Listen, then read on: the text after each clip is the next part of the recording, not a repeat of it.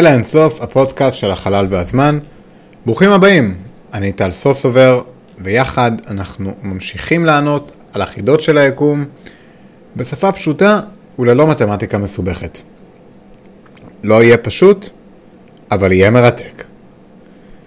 היום אנחנו בפרק מספר 74 של הפודקאסט שלנו, ואנחנו ממשיכים לדבר על קרינת הרקע הקוסמית, על ה-CMB, Cosmic Microwave Background. בפרק הקודם הצגנו מהי קרינת הרקע הקוסמית. בפרק הזה נתחיל ממש ללמוד ממנה. קרינת הרקע הקוסמית היא השריד העיקרי שאנחנו יכולים לראות למפץ הגדול עצמו.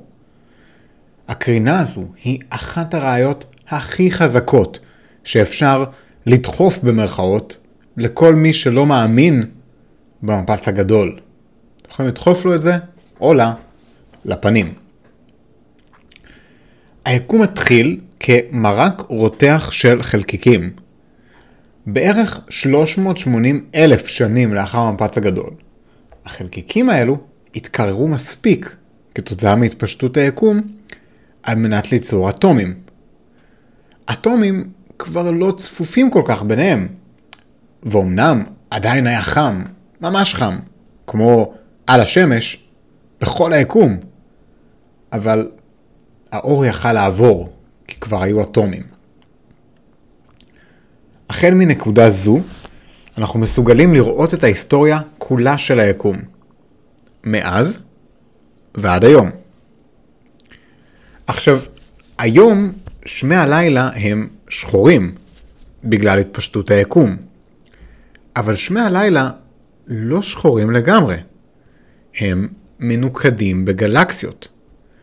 אנחנו רואים מאות מיליארדי גלקסיות בכל היקום. המקור של הגלקסיות האלה הוא לא שום דבר, אבל הוא כן מקרי. היום אנחנו הולכים לדבר על בריון, baryon acoustic oscillations. כמו שאמרנו בפרק הקודם, בריונים זה מה שמרכיב את כולנו, החלקיקים. אקוסטית זה אקוסטי, כלומר סאונד, ואוסיליישן זה תנודות. כלומר, אנחנו הולכים להסתכל על תנודות בסאונד של החלקיקים ביקום הקדום.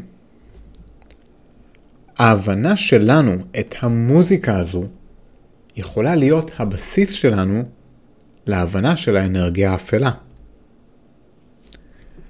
תראו, כשאנחנו מדברים על קוסמולוגיה, על המדע העוסק בחקר היקום כולו, צריך להבין שאנחנו מדברים על מרחבים ומרחקים כל כך גדולים, שבמשך המון שנים קוסמולוגיה בקושי נחשבה למדע. קוסמולוגיה לכל היותר נחשבה לענף, הענף הכי פחות יוקרתי של אסטרופיזיקה. עכשיו זו נקודת אנדרדוג רצינית מאוד להתחיל ממנה, ושמה הייתה הקוסמולוגיה עד שנות ה-60. מה כבר קוסמולוגיה יכולה לנבא? מה היא יכולה לתרום לנו למדע? כל החישובים הם במיליארדי שנות אור, וסטיות תקן, קטנות ככל שיהיו, הם מספרים כל כך גדולים, שזה כבר נשמע כמו הימור. אבל, הטלסקופים השתכללו. הטכנולוגיה התקדמה. היום יש לנו יכולת הרבה הרבה יותר מדויקת למדוד את היקום. דיברנו על זה בהקשר של אנרגיה אפלה, ועשינו פרק אחד או שתיים כבר על אנרגיה אפלה. אוקיי, מה קרינת הרקע? ובאופן ספציפי, מה ה-Baryon Acoustic Oscillations יכולים להגיד לנו על זה? בואו נתחיל מלתאר אותם. בהתחלה, לאחר המפץ הגדול, כל מה שהיה זה חלקיקים, פרוטונים ואלקטרונים. הפרוטונים נוצרו ממש כמה דקות לאחר המפץ הגדול. אלקטרונים אפילו לפני. במשך כמה מאות אלפי שנים היה כל כך חם, שזה כל מה שהיה. כן, היה גרעינים טיפה כבדים יותר וקצת נייטרונים, אבל די זהו. מרק של בעיקר פרוטונים ואלקטרונים, טעונים חשמלית, שהיו מאוד רוצים להיפגש. אלקטרון יש לו מטען שלילי, פרוטון מטען חיובי. המטענים החשמליים המנוגדים שלהם היו רוצים להצמיד אותם, אבל הם לא יכלו. הם לא יכלו כי היה חם מדי. הייתה יותר מדי אנרגיה. זה כמו התיאור שלנו של המסיבה מהפרק הקודם. יש לנו שם שני בני זוג משני הצדדים של החדר שרוצים מאוד להיפגש. אבל כל אחד מהם מנסה לזוז, ויש כל כך הרבה אנשים שרוקדים, שזה כמו לשוט בקייק בסופת הוריקן. הם יכולים לחתור ולנסות בכל הכוח, אבל האנרגיה כל כך חזקה, שהיא פשוט זורקת אותם לכל הכיוונים, אקראית. ואפילו אם הם היו נפגשים, לרגע, הטבע היה, האנרגיה הייתה זורקת אותם, האנשים במסיבה היו רוקדים עליהם ודוחפים אותם. אלו הבריונים, החלקיקים, ובשלב הזה, לפני קרינת הרקע הקוסמית, לפני שנת 380 אלף, הם פשוט לא מצליחים להיפגש.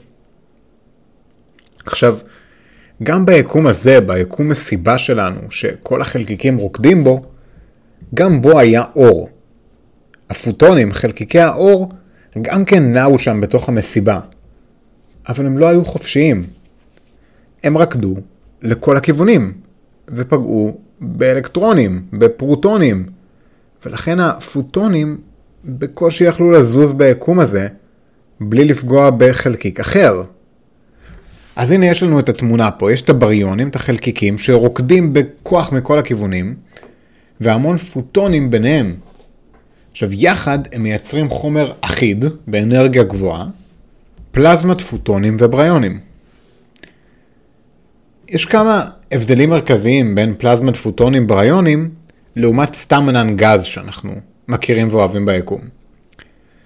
העניין העיקרי הוא שהאור עצמו יוצר לחצים שונים על הפלזמה של הפוטונים פרוטונים עקב הנק... בכל הנקודות במרחב. הלחצים האלו ביקום המוקדם נובעים מתוך התנועות של הריקוד. זה יוצר מעין גלי קול בפלזמה. בדיוק כמו שהאלקטרונים באוזניות שלכם יוצרים גלי קול באוויר הצפוף שבין האוזנייה לאור התוף שלכם, בדיוק אותו הדבר, רק לא באוויר. הגלים האלו הם בפלזמה של הפרוטונים ופוטונים עצמם, בקבוצה של האנשים שרוקדים.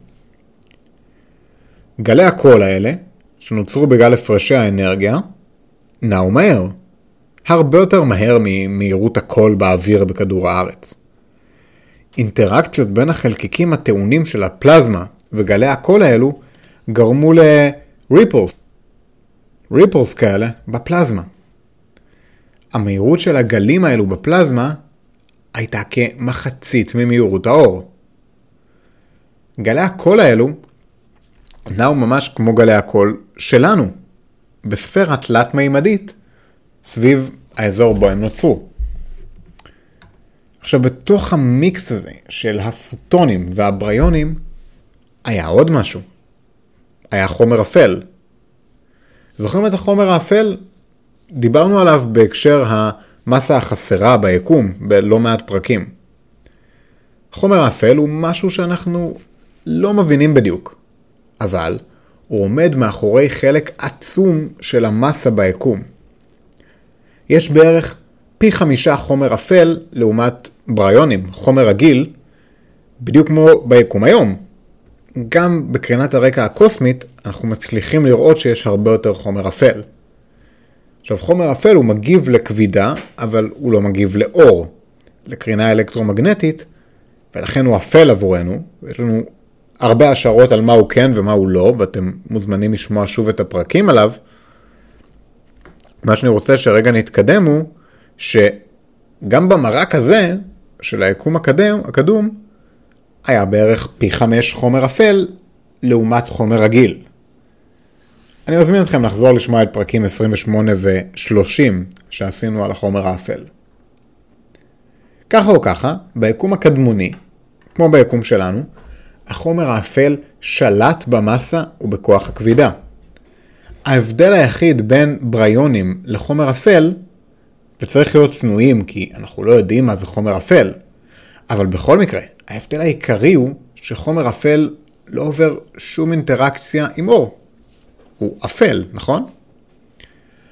האור מייצר לחץ על הפלזמה של הבריונים, אבל הוא לא מייצר לחץ על החומר האפל, לא משפיע עליו. חסר לנו רכיב אחד כדי שהעסק שלנו יתחיל להיות מעניין. הפרשי לחצים.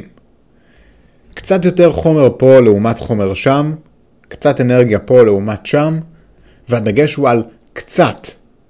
המסיבה הזו, היקום בשלב הזה, הוא יקום מאוד מאוד אחיד. אבל שום דבר לא מושלם. תחשבו על זה כמו מרק סמיך. הוא נראה אחיד, אבל יכול להיות שיש אזורים במרק שהם טיפה חמים יותר, או קרים יותר, דחוסים יותר, או דחוסים פחות. היקום שלנו היה דומה לזה.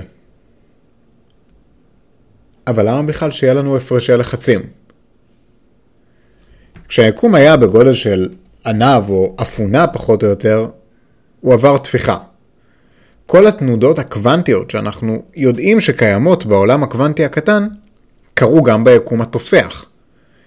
כשהיקום התנפח, גם התנודות הקוונטיות האלה גדלו, ויצרו יקום שהוא אמנם מאוד מאוד אחיד, אבל לא אחיד בצורה מושלמת. אם תזכרו בפרקים שלנו על מכניקת הקוונטים, תבינו למה אין דבר כזה מושלם. אף פעם, בשום דבר, גם לא תאורטית. התנודות הקוונטיות האלו גדלו עם היקום ויצרו לנו אזורים שונים עם לחצים שונים ביקום הצעיר מאוד. מיד לאחר התפיחה הזו עם הפרשי הלחצים, יש לנו שני כוחות עיקריים ששולטים ביקום. קודם כל, כוח הכבידה. הכבידה שנוצרה באזורים האלו הלכה ומשכה עוד חומר, רגיל ואפל, אבל בעיקר אפל, כי יש יותר ממנו, למרכז. עכשיו, בשיאי הצפיפות האלו היה אפקט נוסף. הפוטונים הכלואים שם בין כל הבריונים יצרו המון לחץ החוצה. הכבידה דוחסת פנימה. הפוטונים מתנגדים בכל הכוח החוצה. אלו הכוחות העיקריים שאנחנו מדברים עליהם פה. הפוטונים שלחצו החוצה נשאו איתם בריונים. הם דחפו פרוטונים ואלקטרונים איתם החוצה. זה מה שיצר את גלי הקול האלו. גל קול אמיתי לגמרי של הפרשי צפיפות. עכשיו, מהירות הקול בתקופה היא, היא בערך מחצית ממהירות האור. כלומר, הגלים האלו התפשטו מהר. מהר מאוד. היקום עצמו התפשט, ואחרי כ-380 אלף שנה, קיבלנו טמפרטורה שבה סוף סוף יש אטומים. עכשיו רק בשלב הזה, שבו יש לנו אטומים ראשונים, עברנו ממצב של פלזמה לגז. השלב הזה נקרא Recombination, שזה שם נוראי כי לא הייתה קומבינציה לפני, זה לא ברור מה זה הרי הזה. אבל בואו נחזור לשלנו. האלקטרונים החופשיים יכלו לגעת בכל תדר של הקרינה האלקטרומגנטית, האור, שהם רוצים לפי האנרגיה שלהם. אבל אלקטרונים הקשורים לאטום אפשר לתקשר רק עם תדרי אור מסוימים המתאימים לאטום הספציפי. על כן, בשלב הזה של הריקומבינציה, היקום עבר מלהיות עמום ללהיות שקוף. עכשיו, זה קרה מיד במונחי היקום, אבל לא מיד במונחים שלנו. לקח כמה אלפי שנים. מיד במונחים של היקום. בשלב הזה, הגז של הליום ומימן התחיל להאט. המהירות של גלי הקול נעצרה מכמעט מחצית ממהירות האור לכמה מאות קילומטרים בשנייה. פשוט כי כבר לא היה מה שידחוף. הפוטונים התפזרו. וזו צניחה מטורפת. מה היה הגודל של כל גל קול בשלב כזה? או מה האופק שלו אם תרצו? כל גל קול כזה היה בערך בגודל של 500 אלף שנות אור בריקומבינציה. במקביל לכל זה, החומר האפל המשיך עם הקטע שלו. זוכרים שהיו לנו שני כוחות? כוח הכבידה עובד מעולה על חומר אפל, אבל הכוח השני, הדחיפה החוצה של הפוטונים, פשוט לא מעניינת את החומר האפל. החומר האפל לכן התרכז במרכז האזורים האלו, במרכז הטבעות האלו, ומשך אליו עוד ועוד חומר אפל אחר מסביבו.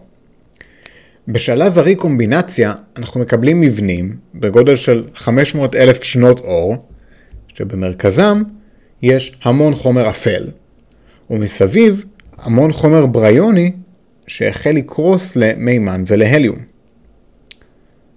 מאז, ב-13 מיליארד השנים שעברו, היקום התפשט בסקאלה של 1100 לעומת מה שהיה אז. כלומר, ה-500 אלף שנות אור צמחו ל-500 מיליון שנות אור. אנחנו יכולים לראות את הטבעות האלו עד היום, כי מה שנוצר מגלי הקול האלו זה הגלקסיות, המבנים הגדולים יותר של הגלקסיות.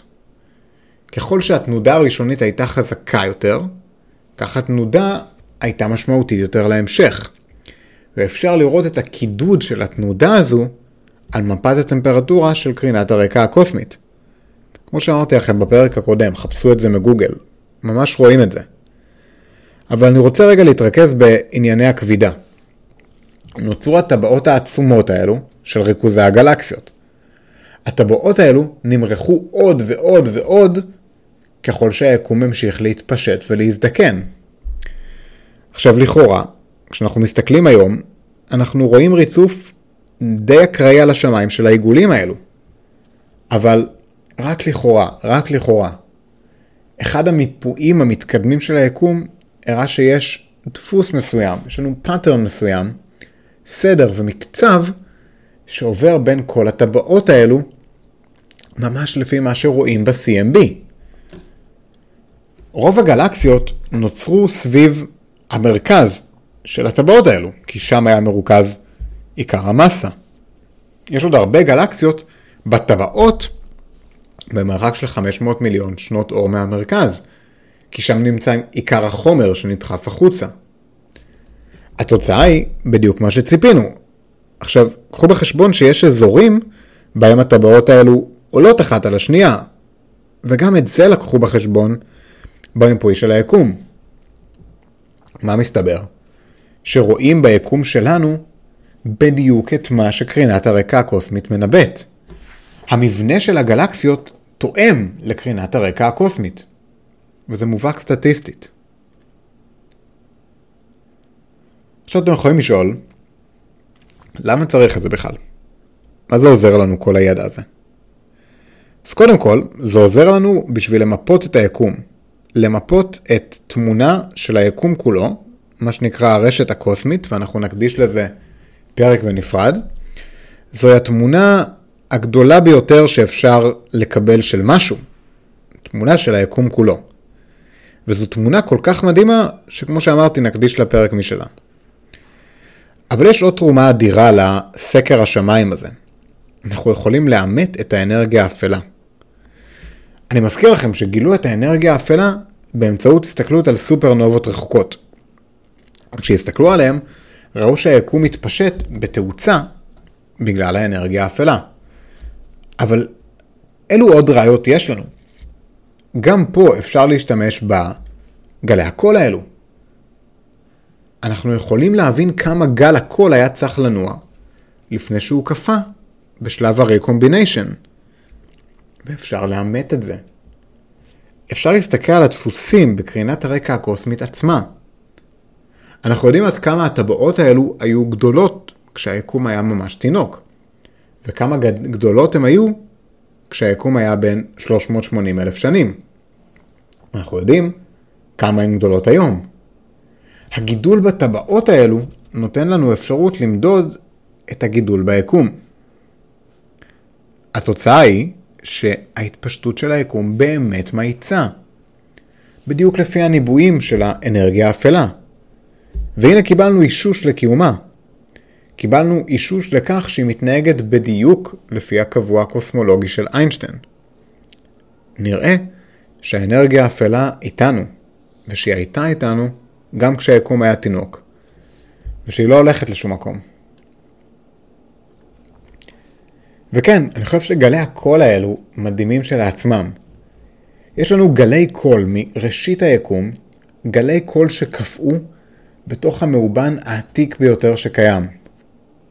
מה עוד צריך בשביל להיות מאושרים, תגידו לי אתם. אוקיי חברים, בואו נסכם את הפרק. אז היום דיברנו על ה-Baryon Acoustic Oscillation, התנודות בסאונד של החלקיקים ביקום הקדום. דיברנו על זה שביקום הקדום היה לנו המון המון חלקיקים שהם היו כמו אנשים שרוקדים במסיבה. האור לא הצליח לעבור כי הוא כל הזמן נתקע באנשים. ככל שהיקום התפשט, הוא התקרר, וכשהגענו לשנת 380 אלף בערך, הגענו לנקודה בה היה קר מספיק במרכאות בשביל ליצור אטומים. בשלב הזה, אור התחיל לזרום באופן חופשי ביקום, וככה אפשר היה לראות את היקום. בתקופה הזו של היקום הקדום, היו לנו שני כוחות.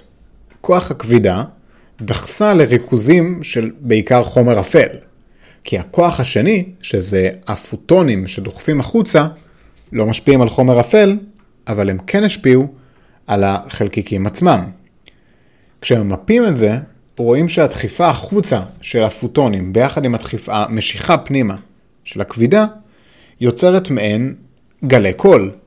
הגלים האלו הם ספרות, שאם אנחנו ממפים אותם, אנחנו מצליחים למפות את המיקום של כל המסה ביקום המוקדם, ולראות שני דברים, שלושה דברים מעניינים. אחד זה את ההשפעה של החומר האפל. שתיים, זה את המיקומים של הגלקסיות. אנחנו יכולים לעשות סקירה לשמיים. ושלוש, אנחנו יכולים להבין את התפקיד של האנרגיה האפלה. תראו איזה יופי, תראו כמה דברים אנחנו מסוגלים לראות רק מלהסתכל בגלי קול שקפאו בתוך המאובן העתיק ביותר בכל הזמנים. תודה, תודה רבה לכם על ההקשבה. הפודקאסטים של אל האינסוף הם יוזמה שלי להנגשה של חקר החלל וקרינת הרקע הקוסמית על כל אה, צליליה ותנודות הקול שלה לכולן ולכולם, ללא הבדל גיל, ידע מתמטי או כל הבדל אחר. הסקרנות היא של כולנו וכיף למתוח את הגבולות. אני תמיד שמח לשמוע משוב ולקבל פידבק על הפרקים, וכן לענות על שאלות שלכם. יש לכם ב-note של הפרק את האימייל שלי, את הקישור לעמוד פייסבוק, כנסו, תנו לייק, תרשמו review גבוה, תרשמו חמישה כוכבים באפל פודקאסט ובספוטיפיי, מאוד עוזר להגיע לקהלים חדשים. דרגו אותנו גבוה בכל מקום שיש לכם לדרג.